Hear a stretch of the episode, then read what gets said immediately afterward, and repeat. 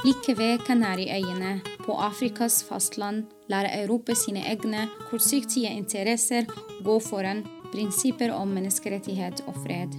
Velkommen til Sandfast, vår podkast om Vest-Sahara, den siste kolonien på det afrikanske kontinent.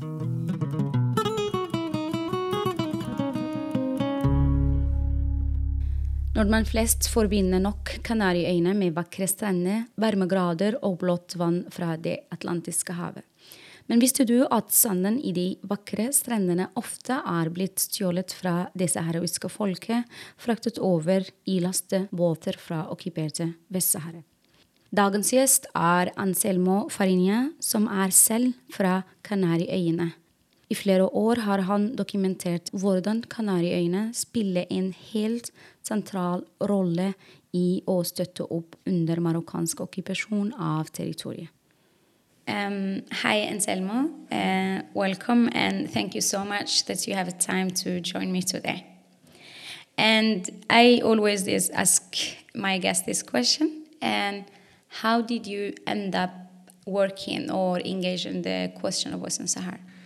Uh, I belong to a generation that in 1975 I was uh, 18, and that time in Spain there was a compulsory military service. And I saw all my friends, two years older than me, then had to go to Western Sahara mm. because the drums of war sound. So, for our generation here in Canary Islands, the question of Western Sahara is a personal question. In the time I was a student at the university, and there we had some uh, Sahrawi students, not many, but some Sahrawi students. And in that time, we had the dream that the end of the fascist dictatorship in Spain mm. will mean the opening of a new world and a, change, a social change. Mm.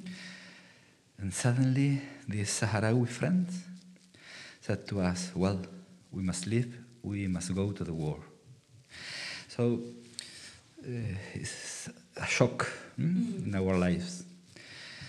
Uh, since then, uh, always we have some relation with the movement of solidarity.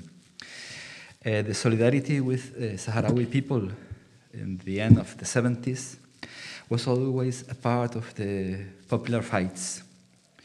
In demonstrations, people said, el pueblo canario, Canary people, con el Frente Polisario. Yeah. El pueblo canario supports the Frente Polisario. That's why yeah. And, yeah and of course it geographically very very very close between canary yes, and western yes. sahara. Uh, in the island where i live in tenerife uh, it was not uh, so common but in gran canaria lanzarote and fuerteventura thousands of people went to western sahara to work there. And they had friends uh, sahrawi friends. Mm. and when uh, in 75 spain sells the Sahrawi people, the people has to come back. The Canary who, stay, uh, who stay there had to come back to the Canary Islands, and that, that was also, also there. No? Yeah, and you are from the Canary Island, from Tenerife, and how important are the Sahrawi waters for the Canary fishery community? Because we are speaking, this is very close. When we are when we speak about uh, Canary fisheries, we are speaking of the past. Mm. In present times, the fishery activity has almost disappeared. Yeah. But in times of the Spanish colony, uh, the waters of Western Sahara were very important, especially in the Easter islands. Mm. Mm. thousands of Canary Island fishermen uh, worked there. Thousands. Uh, also with small boats. In one day, you can go to the African coast and come back to the island. Yeah. When Spain got the Sahara in 1885 in Berlin Congress, uh, Spain said that uh, Spain had some rights on, on the Sahara mm. because of the relations of the uh, Canary fishermen and the Sahrawi, the exchange. Yeah. They said that. Yeah, they so, claim that yes. they have some the links between fishery rights yes. in Western Sahara because of the historical. Yeah. Yes. So Maria uh, and myself, uh, we both live in Norway. I mean, she's Norwegian, and right now it's very cold in Oslo. It's uh, minus four seven, a lot of snow, and so it's very common that Norwegians will come to Canary Islands and eh, the dream is, you know, everyone is saying, we say we're going there, and we're like, wow, you know, speaking about the beaches. So we see often beautiful pictures of beautiful beaches on the Canaries. How many of them are real? And how many of them are transported in ships? And also, we were seeing from the plane, me and Maria, that there were so many infrastructure, like sand or different color of sands in different places. So, what are the other purpose does the sand import to Canary uh, Islands? Uh, the more shocking use of the Sahrawi sand is uh, building artificial beaches, mm. but the most important use is uh, construction. Most of uh, brown beaches are real if you are in Fuerteventura or Gran Canaria or south of Lanzarote. Uh, but if, if you are in Tenerife, uh, mm-hmm. probably that blonde beach is done with Sahrawi sand. Uh, in western islands, the sand is black, it's volcanic sand. In eastern islands, the sand is sometimes blonde because it's marine sand.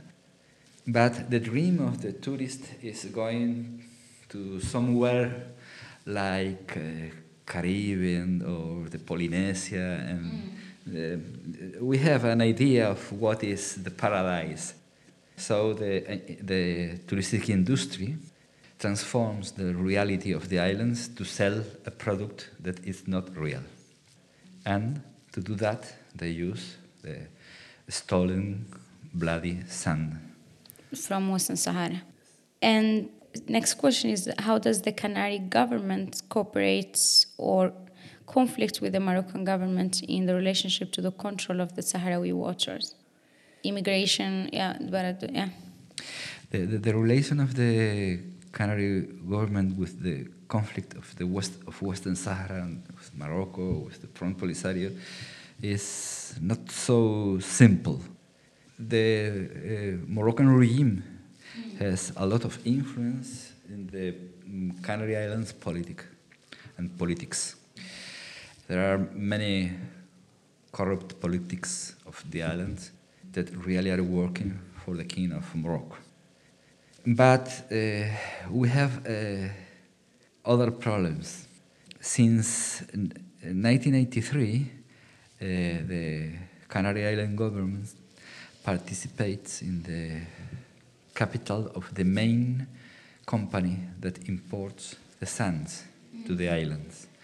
So there is a direct participation of the Canary Island government on plundering the natural resources of Western Sahara. But now, in, since one year ago, more or less, Morocco has moved his uh, lines on, in the sea uh, his limits to the west.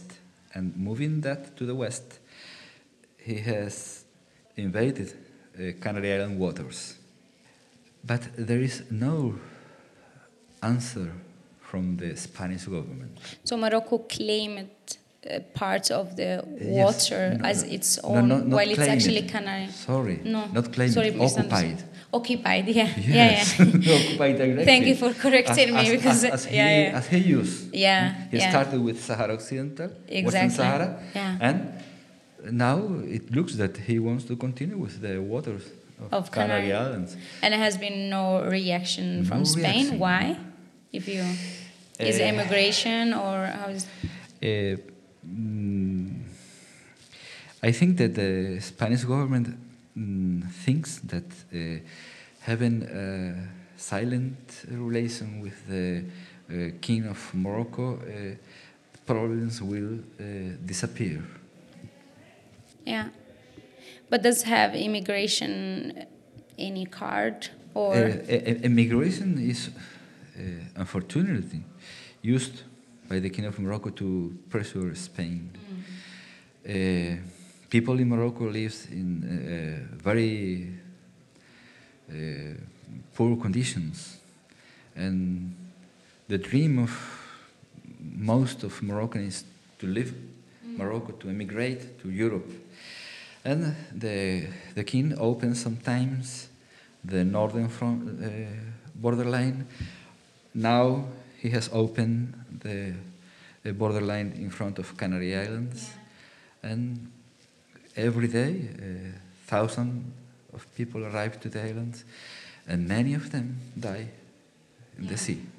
Many, many people is dying because the migration is made under very hard conditions. yeah. And it's used as to pressure again, again uh, Spain. The next one it's when we Maria when we come in in Las Palmas and and especially in the night you see these lights of boats and, and I was like it looked like Disney World. It's not that I have been to Disney World, at least in film, but I want to speak about the the port, the role of the port of Las Palmas. Um, you know, as I said, you see when you look at the port of Las Palmas, there are dozens of ships that are outside of the port, and probably they are loaded with fuel or food supplies.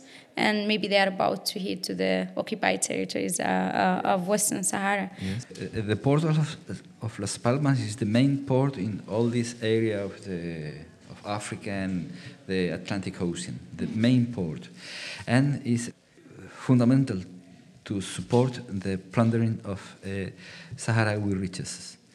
Uh, bulk carriers that go to Western Sahara to bring uh, phosphates, they stop before here in Port of Las Palmas to get fuel or other supplies. Uh, the fishery mm, fleets, the Russian fleet, the Japanese fleet, including the uh, Moroccan flagged mm, ships, they use the port of, of, Las Palmas, the, the shipyards to repair the ships, uh, and many other uh, supplies that they can receive from the port. And also uh, from the port of, of, of Las Palmas and from the port of Tenerife, they uh, transport the fuel uh, to uh, make the bunkering of the big fishing vessels, the factory fishing vessels, especially the Russians, uh, and they bring the fuel to uh, the waters of Western Sahara uh, to for those foreign sh- ships. Mm. So you talked at the start that, uh, especially for people from Canary Island, the question of Western Sahara is very clear and known, and all of you are very aware of it. How does the Canary civil society or a public opinion relate to the conflict of Western Sahara? Well, uh, when time passed, many people forget. Uh, we are not in the 70s, we are not in the 80s, and the new generations, many of the young people, the Sahrawi conflict sounds something from the past, and uh, we try to do uh, constant work in schools, and when you explain in schools what is the what are, are the roots of the conflict, uh, students understand what happens.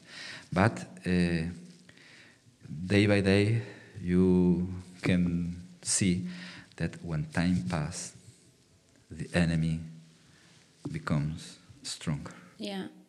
And I'm coming to the last question. So uh, yesterday after the meeting, we were taking taxi, and the taxi driver, when I explained to him that Maria and Tuna, they were Norwegian, he was like, oh, Colonia Norweg. uh, that he grew up in, um, he's from here, born here, and he said that uh, if you come to some place in Canaria, he will explain me, it's just Norwegians. He called it a Norwegian colony, yes, yes.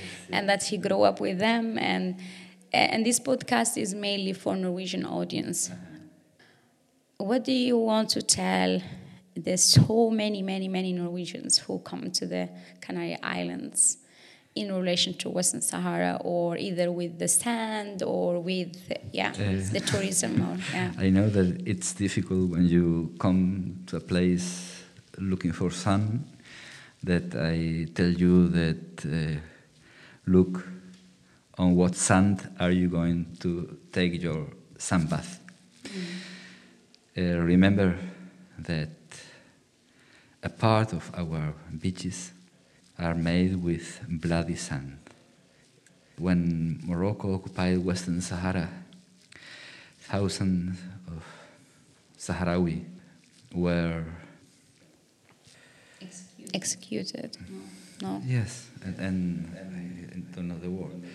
Uh, uh, enterrado, buried, buried, buried, buried. Yeah in sand in the 80s.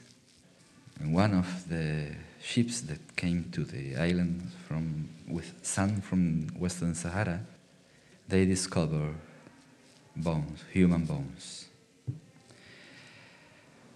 I think that we must not forget that.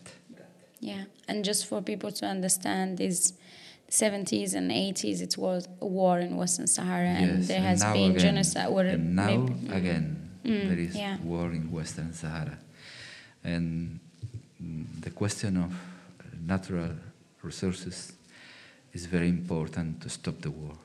If the country who occupy the Western Sahara do not get benefits from this occupation, probably the peace will be closer. So, like for Norwegians, knowing where they stand from, just to learn more as a way to learn more about the conflict, but also it's not far. We are almost next to Western Sahara, so yes. maybe they can travel 100 kilometers. Uh, uh, the, a plane from Gran Canaria to El Ayun takes 30 minutes. Yeah. Anselmo, this has been very, very interesting. Thank you so much for your inputs and for the work that you, you are doing. Uh, thank you to you for your interest. Hvis du vil lære mer om konflikten, gå til vest-sahare.no.